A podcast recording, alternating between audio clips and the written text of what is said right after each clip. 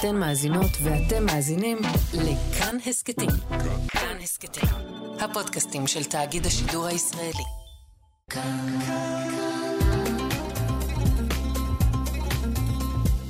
כאן תרבות. בואו נניח לרגע את הספר ונקשיב. עכשיו, מה שכרוך. כאן תרבות.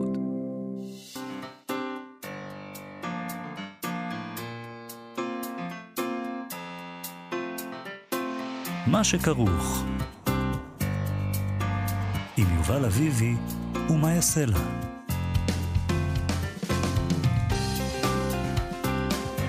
שלום, צהריים טובים, אנחנו מה שכרוך, מגזין הספרות היומי של כאן תרבות. אתם מאזינים לנו ב-104.9 או ב-105.3 FM, אפשר גם להאזין לנו כהסכת באתר, באפליקציה של כאן ובכל יישומוני ההסכתים. איתי אשת הוא המפיק שלנו על הביצוע הטכני. אלעד זוהר, שלום לכם, שלום יובל. שלום מאיה, אנחנו נדבר היום על המלחמה שהחלה ב-7 באוקטובר, על האפשרות לכתוב עליה. עם מישהו שעשה את זה, עם אמיר מנשוף, שבניגוד לרבים שדיברו איתנו ואמרו לנו שהם נהגו כך, הוא לא הפסיק לכתוב לרגע, הוא המשיך לכתוב כל הזמן. כבר ב-8 באוקטובר הוא קיבץ את מה שהוא כתב. אוסף של אה, פרגמנטים ואיורים ש, שלו, שהוא אייר, לספר חדש שהוא מאוהר מאוד, אה, אבל גם מפוכח. הודעות מארץ רחוקה. את האותיות יש לסדר מחדש. האותיות נתקעות על הלשון בבית הבליעה. יש לסדר אותן לפי מה שרואות העיניים. סדר המרצפות, דברים שידענו שאינם, ככה הוא כותב בראשון בנובמבר, למשל. אז נשאל אותו אם הוא הצליח לסדר את ה... אותיות מחדש. נדבר גם עם צור שייזף בפינה דרך ספר, על הספר החדש של יונתן ברג, שהוא ספר מסע של מי שיוצא מן הדת ומנסה למצוא את עצמו בעולם, אבל גם בתוכו.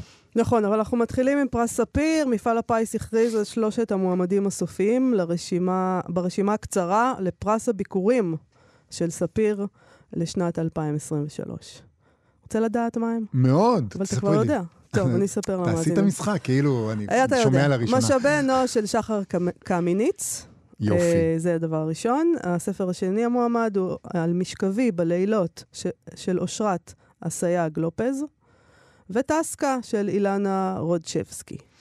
כן. אה, שלושת המועמדים האלה, הסופיים, יקבלו כל אחד 30 אלף שקלים, והזוכה בסופו של דבר, או הזוכה, יקבלו 75 אלף שקלים. אתה רוצה נימוקים? אני רוצה נימוקים, בבקשה. יאללה. פלוס uh, ביקורת הנימוקים, כמקובל. ביקורת הנימוקים, משאבי אנוש של שחר קמיניץ. ספרו של שחר קמיניץ, משאבי אנוש, מעז להתמודד עם השאלה הגדולה והרלוונטית של הזמן הזה, הבינה המלאכותית והשפעתה על נפש האדם. באמצעות דמותו של היזם ברנר, גיבור ישראלי מאוד, החולם להפעיל לפסגת עולם הסטארט-אפ, חמוש באימא ספרנית ודעתנית, אנה קרנינה ודוד גרוסמן. הספר נע בין הריאליסטי לקומי, לגרוטסקה, וקושר בין ספרות העולם למצב האדם בחן ושעשוע. מאיה, אני חייב לשאול אותך שאלה על הנימוק הזה. Mm. האם את חושבת שהשאלה הגדולה והרלוונטית של הזמן הזה... למה אתה מנסה לפתות אותי לדברים מהסוג הזה? היום, עכשיו... כן. אחרי השבעה באוקטובר, האם השאלה הגדולה והרלוונטית של הזמן הזה היא הבינה המלאכותית? היא עדיין שאלה גדולה. כן? אני לא אמרתי שהיא לא שאלה, שאלה גדולה. גדולה. אל תבלבל את המוח. אה, יש פה השאלה גדולה. הגדולה והרלוונטית. היא שאלה גדולה ורלוונטית, כן, ולפעמים אתה חושב לעצמך, אם אתה מרים את המבט מהעולם הקטן שלך, כן. אז המלחמות הכואבות מאוד שהמדינה שלך מנהלת, אולי הן לא הדבר הכי חשוב כרגע בעולם. אם תרים רגע את הראש. לא יודע. Uh, אני חושבת שהנימוק הזה הוא בסדר דווקא, הוא מוצא חן בעיניי. יש בו חן ושעשוע, ואני אוהבת את זה. בסדר גמור. אה, על משכבים בלילות, תמשיך. אני כן. אקרא? כן, למה לא? אושרת אסייג לופז. אז אה, הם אומרים ש... לא קראתי את הספר הזה, את של שחר קמיניץ קראתי, זה נכון, ספר שאהבתי. את עסקה כן. גם קראנו, ראיינו את שניהם, את על משכבי בלילות גם אני לא קראתי, אבל נקרא עכשיו. אבל אנחנו נקרא. בוודאי. נשמע מעניין פה, מתעסקת עם טרומפלדור. נכון. אה, זה החומרים ש... זה בשבילי, בול. ממש בשבילך. נכון. הם אומרים אה, שהספר שלה פורס יריעה היסטורית רחבה, המוגשת בלשון על שירה ומלוטשת ובמרכזה. השנים האחרונות בחייו של יוסף טרומפלדור, גיבור חייק, הוא קם כאן לתחייה כדמות בשר ודם. הסיפור עוקב אחר אירועי חייו מתוך התבססות על מחקר היסטורי מעורר השתאות. יחד עם עלילה בדיונית מוחשית ומרתקת. אמ, בסדר, יופי, כן? אנחנו נקרא את זה. זה עושה לי. את זה, טרומפלדור. כן? וכנראה שזה ספר מעניין. אה, יש את טסקה של אילנה רודשבסקי, אה, הם כותבים שברומן הביקורים הזה שלה, היא בוראת עולם ייחודי בהתרחשויות שבו, כמו גם בלשונו, בין שפה ארכיטקטונית לעבר, לעברית הייחודית של עולים מברית המועצות לשעבר, זה נכון, יש שם שפה בספר הזה. נכון. דרך דיוקנה עשיר בניואנסים של משפחה קטנה אחת, הספר מתבונן בעיניים רעננות ושנונות, ביופיו ובכאביו של המקום הזה, על ההגירה, תחושות השליחות והחלוציות, האידיאולוגיה הבלתי נלאית וכובד משקלה של ההיסטוריה שבו. אני תוהה אם אפשר לכתוב בכלל בעולם הזה נימוקים שלא יראו טיפה, שיצאו מתוך ה-AI. אבל כי- אולי אי אפשר, לא אבל יודעת. גם- אני- אתה חייב גם להיראות, אה, להיות מלא פאתוס כשאתה מנמק את הדבר הזה, לא כי בחרת. באמת אתה חייב. אני. לא יודע. אני אתה רוצה חייב. להגיד אני מעולם משהו. לא כתבתי נימוקים אה, כאלה. את תגידי לי, את כתבת אני נימוקים כתבתי, כאלה. כן. תגידי לי מה חייבים כמעט- ומה חייבים, אני כמעט לא לא יודע. יכול לחמוק מלהיות הדבר הזה. אתה אומר, בחרתי בשלושה מבין עשרות. אני חייב להצדיק את זה עם איזה מידת מה של אה, הרי גורל. אה, אז אני רוצה להגיד שאני לא רואה דרך להצדיק את זה שרוזנפלד של מאיה קסלר לא נמצא ברשימה הזאת. אהה. ספר הביקורים הכי בולט השנה, אה, ואני חושבת שזה מאוד מוזר שהוא לא כאן. אבל נמשיך כן. אה, עם הדברים הבאים שלנו, שהם בטון אחר לגמרי. אנחנו עם הפינה ועיקרן תחילה, שבה אנחנו נותנים לספרות להזדמנות להגיב על ענייני היום. הפעם אה, אנחנו עם ידיעה שפורסמה בכאן ב' אצלנו, נכון? לפיה משרד החינוך הודיע שבעקבות המתקפה של חמאס ב-7 באוקטובר הוחלט באופן זמני שלא לחייב את התלמידים להיבחן בפרק השואה בבחינת הבגרות. כששמעתי את זה בפעם הראשונה אמרתי לעצמי, לא הבנתי את הקשר בין תחילת המשפט לסופו. מה, מה, לא הבנתי. Uh, הם עשו את זה כי מסתבר שהם קיבלו הרבה פניות מהורים ומורים, שאמרו שהעיסוק בשואה גורם לתלמידים מצוקות רגשיות ונפשיות. ההנחיה הזו לשנת הלימודים הנוכחית, והפרק של השואה הוא נשאר בבחינה, אבל הוא לא חובה אלא רשות, לפי שיקול דעת של המורה. וזה בגלל אנשים כמוך בעצם, אתה אשם בזה, יובל? שהכניסו לעולם את כן. כל הרעיון הזה של טריגר, והכל זה טריגר. אז עכשיו גם השואה זה טריגר, אז אי אפשר ללמוד שואה, כי אנחנו אה. מאוד רגישים. כי באמת, השואה זה היה אירוע מזוויע, ואנחנו מאוד רגישים אליו, אין מה להגיד. עדיין אנחנו חשים רגישות. אז עכשיו לא ילמדו שואה. בסדר גמור. אגב, אולי זה לא רע, אני לא יודעת. מה יש לספרות להגיד על זה, כן. על הדבר הנורא שאני עשיתי? כן. אה, אנחנו קוראים מתוך התרגום החדש, אם זה אדם, של פרימו לוי, אדם שחווה אם את זה הדברים אדם, האלה. כן. אה, אתם מכירים אותו כ"הזהו אדם", אבל יש תרגום חדש ש... אם ש- זה אדם. אם זה אדם. אני, קשה לי. אני מכירה את זה כ"הזהו אדם", זה מאוד ואני קשה. אוהבת את זה. "הזהו אדם". נכון, זה לא קל. Mm. הזיזו לנו את, ה... את הגבינה פה, אבל בסדר, אה, אנחנו קוראים מתוכו, אז אנחנו נקרא לזה בשם החדש, אם זה אדם. זה תרגום חדש שיצא בהוצאת הספרייה החדשה, תרגם אה, מירון רפפורט בעריכתו של מנחם פרי. אנחנו קוראים מתוך קטע שנקרא אה, הלילות שלנו. מדבר על החלומות שהם חולמים בלאגר. הוא כותב כך: איני יודע מיהו השכן שלי, אפילו איני בטוח שהוא תמיד אותו אדם, כי מעולם לא ראיתי את פניו אלא לכמה רגעים בהמולת ההשכמה, כך שהרבה יותר מאשר את הפנים שלו, אני מכיר את הגב שלו ואת כפות הרגליים שלו. הוא אינו עובד בקומנדו שלי, והוא מגיע לדרגה שרק בש... רק ברגע שמשתררת הדממה, מתעטף בשמיכה, דוחף אותי הצידה במכה של הירכיים הגרומות שלו, מפנה אליי את גבו ומיד מתחיל לנחור. בגב נגד גב אני משתדל לכבוש לי מרחב סביר על מזרן הקש. באמצעות הגב התחתון שלי אני מפעיל לחץ הולך וגובר על זה שלו. ואז אני מתהפך ומנסה לדחוף עם הברכיים. אני תופס את הקרסוליים שלו ומנסה לסדר אותם כך שכפות הרגליים שלו לא יהיו ליד הפרצוף שלי, אבל הכל השב. הוא הרבה יותר כבד ממני ונראה מאובן בשנתו. ואז אני מסתגל, לש... מסתגל לשכב כה דומם, נאלץ לא לזוז, מחציתי על שפת העץ, ואף על פי כן, אני כה עייף והלום, עד שעד מהרה גם אני גולש לשינה, ונדמה לי שאני ישן על מסילת הרכבת. הרכבת עומדת להגיע. שומעים את התנשמות הקטר, שהוא השכן שלי. אני לא ישן עמוק עד כדי כך שלא אבחין באופי הכפול של הקטר. מדובר בדיוק באותו קטר שמשך היום בבונה את הקרונות שהוטל עלינו לפרוק. אני מזהה אותו על פי העובדה שגם עכשיו, כמו, שחלף ליד, כמו כשחלף לידינו, חשים את, החוף, את החום, סליחה, שמפיצה צלעו השחורה. הוא מתנשף והוא יותר ויותר קרוב, כל הזמן עומד לעלות עליי, אבל לעולם אינו מגיע. השינה שלי דקיקה מאוד, היא צעיף, אם ארצה אקרא אותו. אעשה זאת, אני רוצה לקרוא אותו, ככה אוכל להינתק מהמסילה. הנה, רציתי, ועכשיו אני ער. אבל לא ממש ער, רק קצת יותר גבוה, על המדרגה העליונה בסולם שבין אי-הכרה להכרה. עיניי עצומות ואיני רוצה לפקוח אותן כדי שהשינה לא תימלט, אבל אני יכול להבחין ברכשים. אני בטוח שהשריקה הרחוקה הזאת אמיתית. היא לא, מג... היא לא מגיעה מהקטר שבחלום, היא נשמעת באופן אובייקטיבי. זו השריקה של דקוביל, היא מגיעה מהמפעל שעובד גם בלילה. צילי הארוך הקבוע, ואחריו צליל נמוך יותר בחצי טון, ואז שוב הראשון, אבל קצר וקטוע.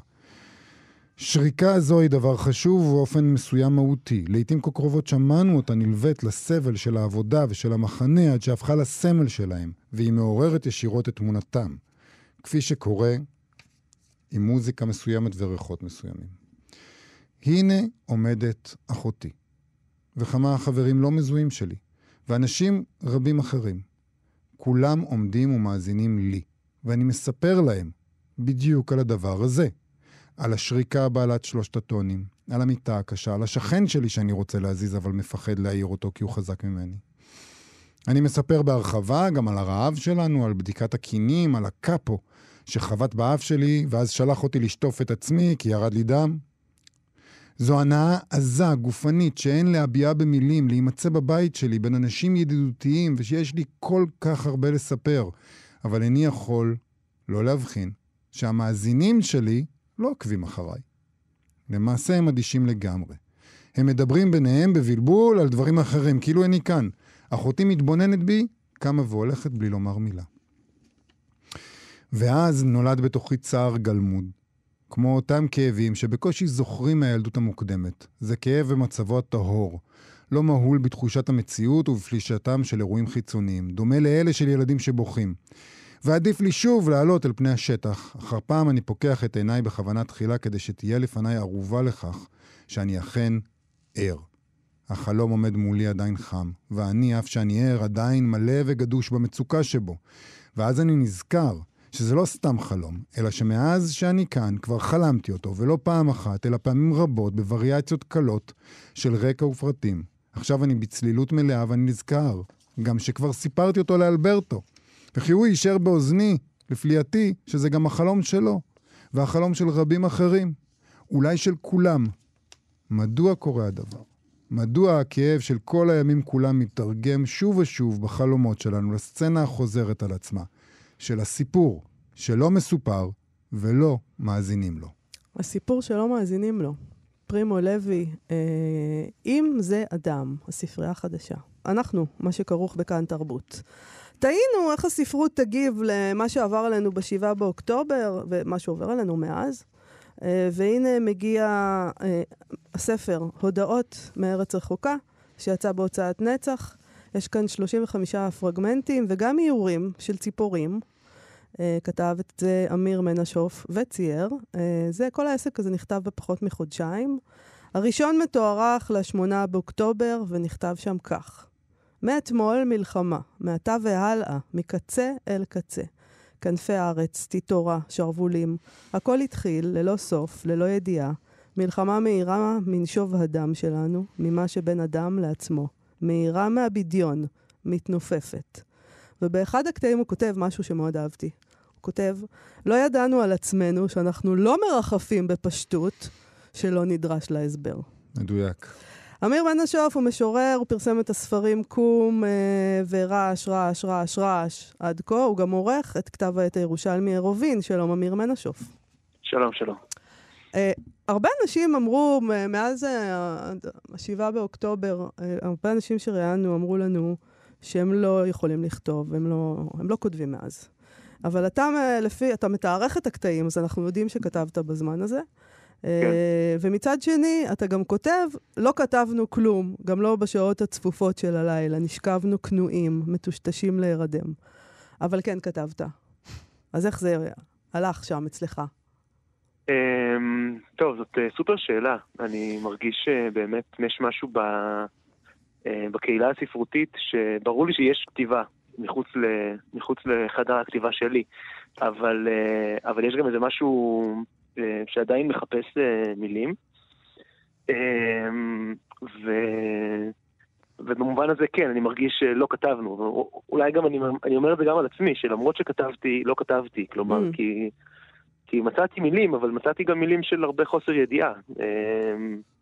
וזה ספר שהוא, שהוא לא מתיימר להיות איזה מצע פוליטי ולא איזה, איזו הבנה של אה, לאן הולכים מכאן, או, או אפילו לא יודע אם יש פה הבנה של מה המצב שלנו כרגע, אלא יש בו איזו פריאה של, ה, פריאה של ההבנה. אה, וזה ניסיון להגיד, אנחנו לא יודעים, ואנחנו במצב כזה. אה, אצלי זה, אני חושב שיש פה איזה- העניין של הז'אנר אולי הוא רלוונטי, כי אני לא מצליח לכתוב אה, שירה, ואני גם לא, לא ניסיתי לכתוב שירה בזמן הזה, אני חושב. אה, ואני חושב שיש משהו בשירה, ב, ב, ב, בעולם היפה הזה, הנקי הזה, אה, שהוא, שהוא לא, לא מצליח לפגוש את המציאות כרגע. באמת זה נורא אמ, מעניין, כי, כי המון אנשים, גם אנחנו בהם בשבועות שאחרי שזה קרה, כן, לא הצלחנו לקרוא אפילו פרוזה, אבל כן מצאנו הרבה נחמה בשירה. נכון, וזאת שירה שנכתבה בדרך כלל לפני. לפני, נכון. אמ, אבל אני חושב שמתוך הפעולה של, של עכשיו, אמ, מתבקש איזה, איזה חומר אחר קצת. אמ, לי זה היה נורא קל, כי אני, כי אני כותב פרגמנטים גם ככה, ויש לי איזה פרויקט אה, גדול של, של פרגמנטים, של פרוזה ניסיונית, אמ, אז הכלים היו ערוכים בשבילי, אמ, יחסית אולי לכותבי שירה. אמ, או לאנשים שמצויים בפרויקטים של, אה, של פרוזה רצינית כזאת, של כתיבת רומן נגיד. אתה אומר שזה זה אמ, מעניין, אתה אומר שאתה צריך איזה משהו ביניים כזה, משהו פרגמנטרי, ניסיוני, לא לכתוב פרוזה, לא לכתוב שירה, ואתה גם כותב על השפה, זה מעניין, אתה מדבר יותר עכשיו, יותר על הכלי, על הצורה, מאשר על המילים והשפה, אתה כותב על דימויים שהפכו חסר משמעות, אתה כותב, הסיפור שסיפרנו הושחת לבלי שוב, מילים מוכרות מסתברות לנו מחדש, למשל רחמים. זאת אומרת, אתה אומר, אני, השפה הקצת פחות שימושית, אני יותר אתעסק עכשיו ב- באיך אני בונה אותה, מאשר במה אני עושה עם השפה ממש. אה, כן, אני גם חושב שגם אין פה, אין פה ניסיון לכתוב על, על אירועים שקרו, כן, אתה, אתה יכול אה, לקחת, אה, כל הפרגמנטים באמת מתוארכים, כמו שאמרתם, ו, ומי שיבדוק אה, ככה במה, מה היה בחדשות באותו יום, או לא, לא, לא, לא בהכרח ימצא קשר. אה, ו, והיה הרבה הרי, אה, ועדיין קורה הרבה, לצערנו גם היום. אבל אה, אה, נכון, נדרשתי פה לאיזה משהו שבור שהוא... שהוא באמת מחפש את המילים, אה, ושהוא מדבר על, על זה שאין מילים. אה, היה לי נורא דחוף להוציא את הספר הזה, כי אני מרגיש שקרה משהו גדול, שקורה משהו גדול, אה, ושאנחנו צריכים אה, לעצור. אני חושב שכל ספר הוא מעשה של עצירה, אה, של לעצור את הזמן. גם אם זה עכשיו ספר שירה, ש... שירה פיוטית, שירה לירית שמישהו מוציא. הוא מנסה לעצור את הזמן. ופה היה לי דחוף לשים ברקסים עכשיו, לתקוע איזה טריז בגלגלים ו... ו... ורגע לראות את הבלבול, לראות את, ה... את העובדה שכל המילים נתבלעו וצריך שפה חדשה ולהניח את האותיות מחדש. אה, וכן, זה ציטוטים פחות או יותר מהספר. כלומר, אבל זה גם חשוב- עניין אותי, כי אתה, הקטע האחרון הוא מ- מתחילת דצמבר, מה- מהראשון בדצמבר, נכון? כן. אה, ועניין אותי למה, כלומר, מתי, איך החלטת? פה אני עוצר, עכשיו את זה אני מוציא. הרי גם אולי כתבת ביום אחרי זה. האמת שאני ממשיך, הייתה לי איזו הפסקה של חודש בערך, כי הייתי נורא עסוק בלעבוד על הספר, בכזה שכתוב וכל, ה, וכל העבודה עם, אה, עם החברים בנצח, אה, בהוצאה, אבל אה, החלטתי פשוט כי יעקב ביטון אמר לי, פגשתי אותו ברחוב במקרה, הראיתי לו בערך את הדברים, הוא אמר לי, שאלתי אותו כזה לאן לשלוח, עיתונים, כתבי עת, הוא אמר לי, עזוב, יש לך ספר. אז, אז, אז עצרתי. אה, אני חושב שזה היה ממש בעקבות השיחה הזאת. אה, אבל גם יש משהו, ב... גם באמת הפרגמנט האחרון, יש בו, יש שם איזו התייחסות לחורף, כן, יש איזו תחושה ש... שבעצם זה, הראשון בדצמבר, זה קצת תאריך סמלי כזה. מספרים זה אה, לזה שכבר חורף, ככה זה, זה המשפט האחרון. כן, זהו, זה, זה, זה, אז כבר חורף, ו, ויש תחושה גם, הרי, הרי אה, הסתיו הזה היה, היה נורא קשה וגם היה נורא, נורא חם, כאילו, היה איזה מין תחושה של קיץ שלא, שלא עוזב אותנו, אז איכשהו גם העניינים האלה של מזג אוויר אה, ושל עונות השנה אה, פגשו אותי. אמ, אבל כן, אני, ממשיך לכתוב את הספר, צר לי, צר לי לומר, כן, זה, כן. זה נורא, נורא מוזר כש, כשיש ספר בעולם, אבל אני ממשיך לכתוב אותו, וברור לי ש, שיהיה לו איזה מהדורה שנייה, שהיא תהיה אולי קצת שונה, וגם ברור לי שזה, שזה כן ייכנס בתור איזה פרק בספר אה, גדול יותר שלי בעתיד הרחוק. היה לי חשוב לעצור את הזמן, אבל זה נכון, את אומרת, הזמן ממשיך ו... וגם הכתיבה ממשיכה באיזשהו אופן, כן. אז אגב, הזמן, בוא תקרא לנו אולי קטע אחד אה, על ההיסטוריה, על זמן, אה, מתוך, ה, מתוך הספר. אה, בשמחה רבה. אה, אז זה מה-28 באוקטובר 23. כן. ההיסטוריה מחזיקה אותך בדיוק בכפות הרגליים. מרימה, אותך, מרימה אותן כך שיהיו מעל הראש. ההיסטוריה היא הבדידות הזאת, חסרת האונים, שמקיימים רבים כל כך בצוותא. ההיסטוריה עשויה ממך, שלא ידעת שלזה יועדת, להיות חומר לכל מה שאינו לפי כוונתך. בתוך ההיסטוריה אנחנו מסתכלים זה על זה, מכירים זה את זה מחדש, לצרכים אחרים, תמציתיים הרבה יותר וידועים הרבה פחות. ההיסטוריה היא העיר עצמה, הנטענת כל כולה בתנועה, להיהרס או לקום. ואתה בו בזמן שוטף את כלי הבית, מסדר איזה דבר, ההיסטוריה דוהרת. זה נורא מעניין שההיסטוריה גם דוהרת, אבל היא גם מחזיקה אותך בדיוק בכפות הרגליים. זאת אומרת, היא גם, היא גם, אה, היא גם זאת שזה לא מפסיקה לזוז בעצמה, אבל גם זאת שתוקעת אותך בעמדה שאתה מתפתל ומנסה להשתחרר ותקוע. מעניין, לא חשבתי על זה. אמ, כן, אני חושב שיש פה איזה, איזה תחושת קטנות נורא גדולה. אמ, שלא יודע, גם לפני המלחמה, כן, חשבתי על, על, על, יש את הרגע הזה, לא יודע, אני בן אה, עוד מעט אה, נגיד 40, הרגע הזה שבו אתה מבין, רגע, אני, אני הייתי, הייתי, הייתי בהיסטוריה, כן, עברתי איזה שינויים של העולם, נכון? כלומר, אה, העולם השתנה קצת בזמן שאני חי, אה, ובזמן שבו אני חושב, אה, ופתאום עכשיו זה, זה כמובן נהיה הרבה יותר, הפך להרבה יותר חריף. אה, אז כן, היא מחזיקה אותך באיזה, באיזה תנוחה לא הגיונית, באיזה מצב לא הגיוני. אה, וזה לא אומר שאתה מבין איפה היא עומדת, כי היא לא עומדת, היא, היא דוהרת, אני חושב. יש פה איזה, איזה תודעה, שהתודעה לא, לא, לא מסוגלת לקלוט את זה. וגם יש את ההיסטוריה הפרטית בעצם, והדבר הזה שאתה אה, כותב, לא ידענו על עצמנו, שאנחנו לא מרחפים בפשטות, שלא נדרש להסבר. כאילו כן. האירוע הזה המתמשך מבהיר לנו איזה משהו אה, אחר ממה שחשבנו על עצמנו. אה, נכון, אני חושב שזה משפט שמתייחס במידה רבה לכותבים, לאנשי הרוח, שאני חושב ש... אמ, שצריכים להשמיע הרבה, הרבה קול עכשיו, גם אם זה קול מהוסס ושבור ונגיד פרגמנטרי כמו שאני איכשהו הצלחתי להוציא. אמ, הבנו משהו, אני חושב. כלומר, זה, זה, לא, זה כבר לא מובן מאליו. אה, לרחף בהיכלי היופי ו, ולשורר או, או לנגן. אמ, נכון, יש פה איזה שינוי, איזה שינוי מהפכני באיש, אישי, וגם זה נכון שהספר הזה הוא אישי מאוד, כלומר, יש בו בהחלט רגעים אה, ספציפיים אה, על ספרים שהחלטתי לקנות, או על, אה, או על חלומות שלי, חלומות לילה משונים, אה, ועל מקומות יחסית ספציפיים. אמ, כן, גם ברמה האישית זה הרי שינוי שאי אפשר אה, לתפוס. מצד שני, ההמשך של המשפט הזה, שלא ידענו על עצמנו שאנחנו לא מרחפים בפשטות, שלא נדרש להסבר, שאתה אומר שזה על המשוררים ועל הכותבים, הסוף של זה, ההמשך של זה, זה המשוררים יורקים בקערה, שם מותר להם לירוק. זאת אומרת, זה מין איזה מין התנהגות שלא מותרת, אבל יש להם איזה מין מרחב כזה קטן, מוגבל, שבו מותר להם להתנהג כמו שלאחרים אסור? אמ, או שלא. כן, אני, אני חושב שיש, ש, ש, שאין הרבה מקומות שבהם אה, מותר לשירה להיות השירה. אה, להיות, אה, להיות הדבר הזה שהוא, שהוא פורע סדרים. לירוק. ושהוא, ושהוא יורק, כן, שהוא מחוץ mm-hmm. לסדר החברתי הרגיל. ביריקה יש איזה זעם גם, שזה משהו מה, מחומרי הגוף. וכן, אני חושב שיש פה איזה ניסיון ככה... לדון גם, או לפחות לרמוז למקום הזה שיועד לנו המשוררים, אה, החבורה הזאת שהיא מצד אחד אה, עומדת על במה אה, ועושה איזה מופע משונה,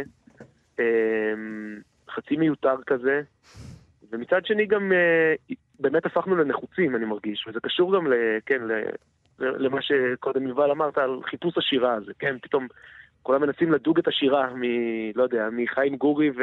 ועמיחי ו... אמ, עם הנצח של השירה, כן? אנחנו פתאום צריכים את זה, אנחנו באמת צריכים את זה. זה לא, זה לא סתם, וזה לא רק גורי, זה גם אנחנו. אנחנו צריכים לדבר. אמ, ו... כלומר, יש, יש משהו כרגע באיזה... המהלך הספרותי כרגע הוא אנתולוגיות, אה, אנתולוגיות של הזמן הזה, גם של זמנים קודמים באמת, אה, אבל אני מרגיש גם שיש איזה צורך לפעמים להעמיד טקסט ולהעמיד שיחה. וזאת לא צריכה להיות שיחה שהיא מגויסת פוליטית, שהיא, שהיא אומרת את מה שבהכרח המחנה שלי מצפה ממני להשמיע. אם יש דבר כזה, ויש דבר כזה. כן. אלא, אלא רגע להגיד אני לא יודע, ובשביל זה אנחנו כאן, הרי להגיד אבל אני לא יודע... יותר מזה, אמיר, אתה, כי אתה כותב, אין אבל קשה מאבל על רעיון שהתבדה. נכון. מה זה הרעיון הרבה- הזה שהתבדה? אה, אני אעדיף לא לפרש, זה בעצם קראת פרגמנט שהוא, שזה כולו, כן? כן. אה, הוא משפט אחד. אה, וזה פחות עוסק באבל, ה... כן, אני, אין לי, אין לי זכות לומר משהו על אבל, מס- על האבל ה- ה- כפשוטו, כן. אבל יש פה איזה ניסיון להגיד שה, שהאבל על הרעיונות, ושוב, אני לא אפרש איזה רעיונות, כי אני חושב שזה... שזה, שזה, שלהרבה רעיונות. אה, אני חושב שפגשנו אותנו הרגע הזה שהרבה רעיונות מתערערים לנו ומתבדים לנו והם כבר לא רלוונטיים. אה, אפשר להגיד מכמה זוויות, אם אני נכנס לשאלה הפוליטית עוד פעם. אה, מימין ומשמאל לי, לצורך העניין. פתאום רעיונות מתבדים לנו, ו... וזה דבר מאוד קשה ש, ש, ש, שאנחנו נדרשים רגע ללכת ערומים, בלי רעיונות, בלי תפיסת עולם מגובשת. אמ, אבל בואו נלך, בואו, בואו נצעד, אין מה לעשות, חייבים לעשות את זה בשביל, בשביל להיבנות. אני באמת מאמין בזה שכדי להיבנות חייבים להישבר. במצב כזה, חייבים רגע אחד ללכת עם השבר עד הסוף. אמ, חייבים קצת גם להיתקע ב... אולי זה עונה לשאלה שלך, אה, מאיה, על, על, על התאריכים. למה לגמור את זה ב- בראשון בדצמבר? כן. כי, כי קרה משהו דרמטי, וצריך לעצור, וצריך, אה, וברור שהזמן עובר, וברור שיש לי מה להגיד גם עכשיו, אבל, אבל בתוך המערבולת הזאת ש, ש, ש, של הימים הראשונים, קרה שם משהו, אין, אין מה לעשות, קרה שם איזה, ביום הראשון, בוודאי, ביום, בימים הראשונים קרה משהו שצריך רגע לעצור ולהסתכל עליו. לא, אה, תגיד, ו- אמיר, למה ציירת דווקא ורק ציפורים? אמ, כי אה, לא מזמן, לא מזמן, ישבו לי חתול נורא מרשים, ואמרתי, למה אני לא יכול לצייר חתולים, נכון? כאילו... למה אתה לא יכול לצייר חתולים? אין לי שום רגש של חתולים, יש לי אה. המון רגש כלפי ציפורים, Mm, אה, וגם בסוף הספר יש איזה מפתח של מיני הציפורים שככה, כדי שאנשים ידעו שהרשימת, חבורת קווים הזאת היא באמת אה, באז מצוי, לצורך העניין. אה, מתוך איזה ניסיון לתת כנפיים קצת, קצת לתת איזה נשימה. אה, בלי, בלי הציפורים הספר הזה היה בלתי, בלתי עביר, אני חושב. אה, ואני חושב שאנחנו, ש, שהייתי חייב להיות נדיב קצת, לתת קצת משהו שהוא, שאין בו, בו תקווה, אבל יש בו אוויר, אה, יש בו איזה מרחב. אה, וציפורים גם לפעמים הן ציפורים כואבות, אה, או ציפורים שקצת נראה כאילו הן עומדות להקיא. אה, ציפורים שהן בכל מיני מצבים, זה לא רק החטפית האפורה היפה הזאת שמופיעה בתחילת הספר. אה, נכון, יש שם כמה שנראות מאוד סובלות. כן, כי, כי הציפורים לי גם קרה דבר לוקחות- נורא מעניין, אני כזה אמרתי, אוי, יונה, יונה, יונה, ואז הסתכלתי שוב, אמרתי לעצמי, "מה- מאיפה הבאת את היונה הזאת? אני בהתחלה חשבתי לעצמי, הוא מצייר יונים כל הזמן. וואלה. זה כנראה משהו בתוכי, כן. את רוצה את השלום. לא, שלום, אה, זהו, ש... תגיד, באמת, אם אנחנו כבר אה, מדברים על זה, למה, זה, למה אתה לא כועס יותר? אתה נשמע, אתה נשמע כמעט, אה, אתה נשמע מאוד מחפש את הדרך, אבל, אבל אתה יודע, אני חושב על זה שכאילו, פתאום אתה, אני קורא את הדברים שאתה כותב, וזה מעורר הרבה זעם גם, אבל אתה ממש, אה, אתה לא רוצה לכעוס. אה, אני כועס מאוד, אה, ארור העתיד והארורים הנתונים לו, הארורים המנהיגים, זה גם מופיע. נכון. זה גם מופיע, אני, אני כועס מאוד. אני חושב ש... כן, ש... ש... עצב ומה שאנחנו קוראים לו עצבים, או צער וכעס, הם חבוקים יחדיו, והרבה פעמים כשאתה, כשאתה מביע כעס אתה בעצם מתכוון להביע עצב, או איזשהו רעיון שהתבדה, איזשהו אבל על רעיון שהתבדה. אה, וגם להפך, כשאתה אומר ש... אמ, שההיסטוריה מחזיקה אותנו בכפות הרגליים, אז אולי אתה, אה, אתה אומר משהו על, על האנשים שמחזיקים אותנו בכפות הרגליים, אמ, שמדמים את עצמם למנהיגים.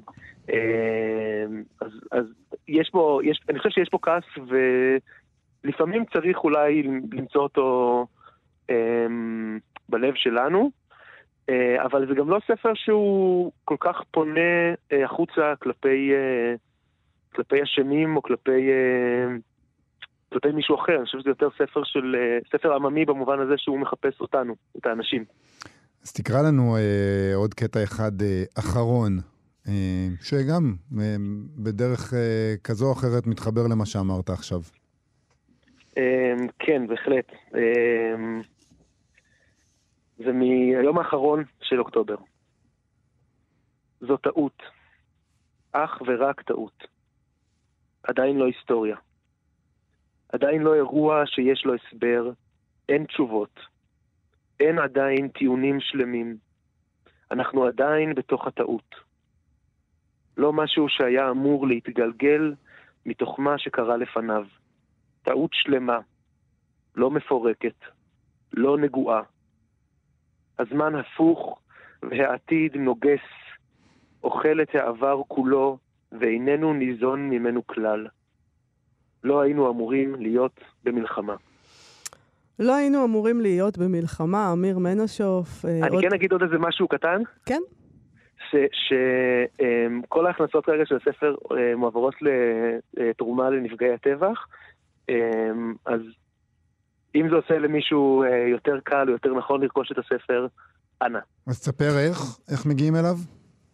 אה, יש באתר של הוצאת נצח, של מה שנקרא לייבל נצח, אה, וזה ממש חדש, אבל התחלנו להפיץ בחנויות ספרים, וגם בתי קפה ומקומות כאלה בירושלים, מחר נהיה בתל אביב, ואפשר למצוא אותי בפייסבוק, אמיר מנשאוף. ונשמח אה, לתאם אה, כל דבר אחר. הודעות מארץ רחוקה, הוצאת נצח. תודה רבה לך. תודה, תודה. להתראות. עכשיו, דרך הספר. אנחנו מה שכרוך, חזרנו, זו, היה, זו הייתה שרית חדד מכל האהבות, ועכשיו אנחנו עם דרך ספר. פינה של ספרי המסעות של הטייל והנוסע והכותב, צור שייזף. היום אנחנו איתו ועם ספרו החדש של יונתן ברג, בין יבשות, שבו הוא כותב ככה: המסע עבורי הוא וריאציה חילונית לעלייה לרגל. עלייה לרגל לאומנות, לנוף, לבדידות ולשתיקה. למראות האנושות הנעה בסיבוך ויופי. אין שם דבר ביד, אבל אני הולך כאילו שיש. נדחף קדימה לעבר דבר מה שיש בכוחו להעניק טעם. הרי היעד המקורי, ירושלים, היה מקום שבנוי על חריגה מהמעשים המוכרים, מעסקי היום-יום והמרה שלהם בהתנהגות מסדר אחר. המדורות, היין, העזרה הפנימית, בגדי הכהן, גם פה, במסע, סדר אחר מופיע. שלום צור שייזף. שלום יובל, מה שלומכם? בסדר. אה, שבח לאל. אה, אתה, אתה בדיוק חזרת ממסע אמיתי. כן, כן, כן, אני הייתי בסנגל ובגמביה, ובטיסה ל... Uh, התחלתי לקרוא את הספר של יונתן, ובטיסה החזור סיימתי את הספר של יונתן, ומאוד שמחתי. שמחתי קודם כל כי יש ספר מסע עברי חדש, שמחתי כי יונתן אוהב מאוד מסעות, יונתן ברג מאוד אוהב מסעות, וכיוון שהוא משורר אז יש לו כל מיני תובנות שנגיד בן אדם שהוא לא משורר אין לו. ואני חייב גם להחמיא ליפתח אלוני מהוצאת אפיק, העורך והמו"ל של הוצאת אפיק, ששם הוא, הוא מייצר איזה ליין כזה, איזה קו כזה של ספרות מסעות עברית, ואני חייב להגיד שזה מוצא חן. הוא בעצמו נווד והוציא ספר מסעות, כך שהתחום כן, כן, אה, כן. קרוב כן. לליבו. אז על מה, נכון. לאן נוסע, לאן נסע יונתן ברג? אני, תראי, שם הספר הוא בין יבשות. אז זה נכון שהוא נוסע גם להודו וגם למדינות אחרות במזרח, ללאוס ולווייטנאם, והוא אה, גם בדרום אמריקה, אבל אני חושב שהבין יבשות שלו הוא לא רק פיזי, אלא כמו שיובל קרא בפתיח, הוא בעצם ספר שונה בתו, בין יבשות פנימיות שלו, שאותם הוא חוקר ומגלה. עכשיו, אנחנו לא, אנחנו בעצם עוברים איזה מין סיפור של התבגרות ותגליות, ויחד עם המסעות שיונתן עושה אה, מפה לשם, כי הדבר הראשון שהוא עושה הוא בעצם, הוא עוזב את הדת. או בוא נגיד ככה, הוא עוזב את הדת המסורתית, השמרנית היהודית, שמתכנסת בתוך עצמה ושונאת את כל הדתות האחרות וחושבת שרק היא, וזה הוא עושה בעודו בישיבה בירושלים, הוא עושה מסע שהוא מסע דרמטי. הוא בעצם פורש מהשיעור אחרי שהרב שלו די התייאש ממנו, ונכנס לכנסיית הקבר. ושם הוא פתאום רואה סוג שונה לגמרי של אמונה, וסוג שונה לגמרי של אווירה. והוא אומר שם דבר שהוא נפלא בעיניי. הוא אומר, זה לא שגיליתי דת אחרת, גיליתי את האופציה לעולם אחר, ודרכה השער לעוד המון עולמות אפשריים אחרים. וזה אחד הדברים הכי נפלאים שבן אדם יכול אה, גם לחוות וגם להבין, וזה הרגע שבו אני אומר לעצמי, איי, איזה איש מאושר. כי אני חושב שכל נוסע, מה שהוא רוצה, זה להגיע לאיזה מקום שהוא לא היה בו אף פעם, ולהבין שמעכשיו הכל אפשרי. אבל הכל אפשרי הזה מוביל אותו כמובן, עוד לפני זה יש לו לסיים את הצבא הישראלי עם כל השטויות שלו. ואחרי זה הוא בעצם כשהוא נוסע למזרח, והוא נוסע להודו בעיקר, הוא, הוא, הוא בעיקר נתקל, ב, נקרא לזה, בשביל החומוס הישראלי. זאת אומרת, זה נכון שהוא נוסע הרבה יותר משכיל והרבה יותר אה, מתעניין, ו, ועוד פעם, הבודהיזם מעניין אותו וההינדואיזם מעניין אותו והדברים האחרים, אבל קודם כל הוא חוקר את עצמו, והוא חוקר את עצמו על ידי מסע שהוא שופך את עצמו לגמרי, אולי אני מתבלבל וזה מתחיל בכלל בדרום אמריקה, בקולומביה, אבל בכל מקרה, מה שחשוב בסיפור הזה, זה לא משנה באיזה יבשת זה קורה לו, הוא חוקר את עניין הסמים. והוא הולך כמובן לחשיש, והוא הולך ל-MD, והוא הולך אה, לפטריות, והוא הולך לקוק, והוא הולך לכל דבר אפשרי, שזה בעצם המכנה המשותף של רוב הצעירים הישראלים. והחיבור שהוא עושה שם, אני לא יודע אם במודע או לא במודע, כי זה סיפור אישי שלו, בעניין הזה שהחבר'ה הצעירים שיוצאים מהצבא על מנת לעשות reset לעצמם, נכנסים לתוך העולם הזה שבו הם מתעיינים לתוך הסם. ובעצם הסמים רוכבים עליהם, הרי לוקח זמן לבן אדם, גם מי שלוקח את הסמים לא בתור איום, אלא בתור איזשהו ממד נוסף, ונקרא לזה עולם חדש. אז גם הוא יודע שלוקח זמן עד שאתה יודע לרכב על הסם ושהסם לא ירכב עליך. והסמים מובילים אותו דרך המון המון חוויות והמון דברים, והם כמובן משמשים לו מה שהם משמשים לרוב האנשים הישראלים. ופה אני רוצה להוסיף איזשהו דבר, כי הספר הזה מתכתב, לצורך העניין, עם השבעה באוקטובר. הוא מתכתב לא בגלל שהוא מתכתב עם השבעה באוקטובר, אלא מתכתב מכיוון שדרך הדבר הזה אפשר להבין את המסיבות כמו הנובה שהייתה, mm. או כמו שאולי עוד יהיו, בעניין הזה של למה הישראלים כל כך חזקים במסיבות, למה המסיבות האלה הן תמיד לא רק מוזיקה טכנו ולא רק הגופות העירומים וכל הדברים האחרים, הם תמיד, תמיד, תמיד, תמיד, תמיד משולבים בחבילו, בחוויות פסיכדליות או לא פסיכדליות, כשזה מתחיל כמובן מהחשיש דרך האסיד וה-MD והפטריות וכמעט כל דבר אחר. אני חושב שזה הקטע של הריסט, אנחנו, המציאות mm. סביבנו היא מציאות איומה. המקום שבו אנחנו עושים לעצמנו, אנחנו בעצם עושים לעצמנו טיפול נפשי.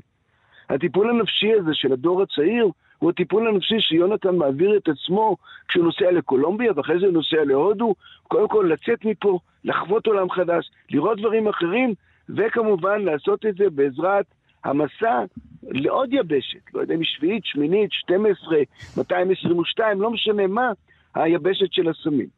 עכשיו, הפגיעה בנובה, הפגיעה במקום הזה שבמפלט שלנו, זה לא רק שפגעו לנו בביטחון של הבית, אלא בעצם לקחו וריסקו את האשליה שיש לנו איזה מרחב מוגן שבו אנחנו יכולים לצאת, למסיעות, לצאת לנסיעות ולעשות לעצמנו ריסט של הדברים.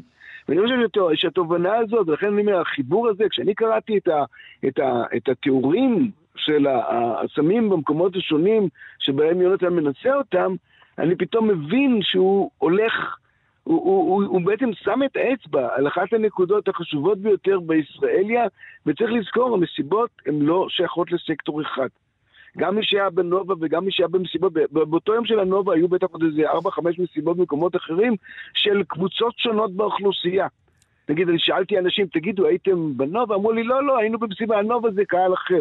זאת אומרת, הקהלים השונים הישראלים, הצעירים, נקרא להם בני 20 עד 40, משתמשים במסיבות ובסמים על מנת להתמודד עם המציאות הישראלית. ההתקפה על המסיבות האלה היא בעצם התקפה על ריפוי הנפש הישראלי. ואני חושב שבמובן הזה מאוד מאוד מעניין לקרוא את הספר של יונתן, לראות את הדבר הזה. אבל עכשיו, תגיד, זה... אתה, העניין הזה של ההתנסויות האלה, אצל יונתן אולי אין שלב ביניים. צריך לעשות עוד משהו, צריך לעשות עוד איזה מחקר פנימי, צריך... ובאיזשהו שלב צריך גם להפסיק עם זה. צריך לעבור לאיזה משהו אחר, לא?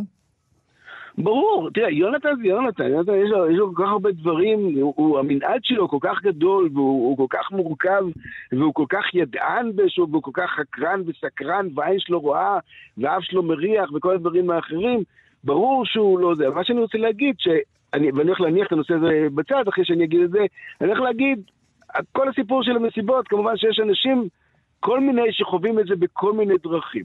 בשביל יונתן, זה עוד פעם, זה כמו הכניסה לכנסיית הקבר בגיל 16, אז בגיל 21 או 22 הוא נכנס לעולם הזה, ובאותה קלות שהוא נכנס אליו, או לא באותה קלות, הוא יוצא ממנו וממשיך הלאה. עכשיו, זה לא הדבר היחיד, יש אצלו גם דברים, מכיוון שהוא גם משורר וגם סופר, כפי שאנחנו יודעים, אז יש גם את העניין הזה תוך כדי הספר, שכל הזמן בעצם הדיסציפלינות האלה נאבקות בתוכו. מצד אחד הוא משורר שמוזמן לכנסים בכל מיני מקומות בחו"ל, והוא משתמש בהם באופן הכי מפתיע לחפש את העבר היהודי בכל מקום.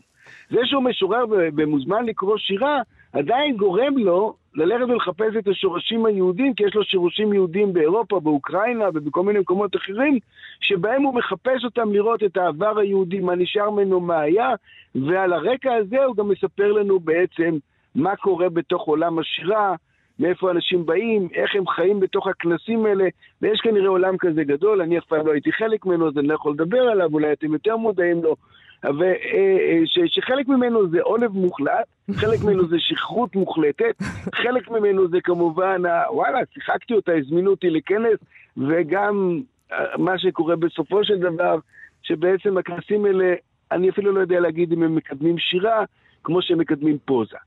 אבל יש גם את העניין הזה. אבל זה כיף בטח. אני מקווה שזה כיף. העולב והשכרות ביחד, אפשר להתארגן עם זה. כן, כן, שמענו, שמענו. העולב והשכרות במובנים פרטיים, אבל אני לא הייתי נוסע כל כך רחוק לכל מיני מקומות כאלה. לא חייבים להרחיק לכת, כן. כן, אבל הוא, הוא כמובן, יש לו, הוא מסתכל על דברים, הוא מחפש אנשים, והוא לומד על איזה משורר או משוררת אה, שיש להם מה להגיד, והוא גם קורא את השירים שלו. והוא גם כמובן בתוך הנסיעות האלה, לא רק בענייני השירה, גם בעניינים של ה... בתור המוצ'ילר הצעיר, בתור הנוסע הצעיר, הוא גם הולך לא פעם מכות עם כל מיני, אה, מין אה, שמאל אנגלי כזה, שיש לו מה להגיד על הצבא והכיבוש הישראלי, mm. ובכל זאת, למרות תיעובו את הדברים האלה, הוא כמובן מגן על הציונים בכל מקום ש... שיהיה. ויש לו שם עוד איזו אמירה מאוד מאוד מקסימה, וזה העניין הזה של... הוא כותב ספר. אני לא זוכר אם זה הספר על פסגות, אני לא זוכר אם זה, זה משהו אחר. ספר, כאילו, הוא כותב סיפור. והוא אומר, זה לא יאומן. אתה כותב ספר. וכאן לוקח לך שנה לכתוב אותו. לוקח עוד שנה לערוך אותו. לפלוט את כל הטעויות, את כל הדברים, פה, שם, בסופו של דבר, פוף, מין פלופ כזה קטן, אין שום קשר בין, ה, בין ההשקעה שלך לבין כמה אתה משקיע בענייני ספרות וכמה בסוף הגמול שאתה מקבל עליהם. שזה גם כן הערה נורא נורא חכמה, כי אנשים בדרך כלל לא, לא מוכנים להודות שהם עבדו נורא קשה על ספר, ובסופו של דבר, אה, בינינו, אולי אדווה קלה ולא יותר מהדברים האלה. ובנוסף לכל הדברים האלה, הוא נוסע איתנו בעולם. והוא אומר לנו דברים, והוא מסתכל על, על, מסתכל על הדברים איך שהם. ויש איזה משהו נורא נורא יפה, שהוא בעצם, הוא כל הזמן מנסה לחקור גם מהו מסע. ובזה הוא מתחבר לאיזה מסורת גדולה, כמו למשל שצ'אטווין בקווי השיר, שבה בעצם גם צ'אטווין מנסה להבין את תשוקת המסורת, אני חושב שכל סופר מסורת מנסה להבין מהו מסע. ואז הוא מספר על איזו חוויה שהייתה לו, גם כן בתור איש צעיר, וזה ממש בסוף הספר, שהוא יושב באיזה מין מסיבה כזאת על חוף הכנרת, והוא קצת מסטול, וכהרגלו, בגלל שהוא קצת כזה קלאמזי, אז הוא לא ממש מצליח לייצר את הקשר עם, ה, עם, ה, עם הבחורה שהוא רוצה, ואז הוא הולך לשפת המים, קצת מסטול, מוריד את הבגדים לגמרי, נכנס פנימה לתוך המים, מרים את האורות, ואומר, רואה מרחוק את האורות של טבריה, ואומר, אני חייב להגיע לשם. ומתחיל ללכת בתוך המים לכיוון טבריה. ופתאום הוא מבין את העניין הזה, שהמסע הוא בעצם כל מה שמנצנץ מנגד ואני חייב להגיע אליו. וזה איזשהו משהו שהוא באמת ענק לגמרי, כי אני חייב, אם מותר לי קצת לשים את עצמי בתוך הדבר הזה, אני בתור ילד, כשהייתי פותח את הברז בשביל להדיח את הכלים בכיור, הדבר הראשון שהיה עולה לי בראש זה היה מסעות ונערות וים ו- ו- וכל מה שזורם, והייתי סוגר את הברז, לוקח את התרמיל ותופס טרמפים לאילת. כל האורות האלה, כלים. וכל האורות שמנצנצים במרחק, בוא אה, נגיד צור אבל שזף. שדיברת על אה, בן יבשות של יונתן ברג, צור שייזף, תודה רבה לך. טוב שחזרת. תודה רבה לכם ותודה ליונתן. ברוך השב, להתראות. להתראות, ביי. עם זה אנחנו מסיימים להיום. תודה למפיק שלנו איתי אשת, תודה לאלעד זוהר על הביצוע הטכני. בואו לבקר בעמוד הפייסבוק שלנו, ואנחנו נהיה כאן שוב מחר. אתן מאזינות ואתם מאזינים לכאן הסכתים. כאן הסכתים, הפודקאסטים של תאגיד השידור הישראלי. אתם מאזינים לכאן הסכתים, הפודקאסטים של תאגיד השידור הישראלי.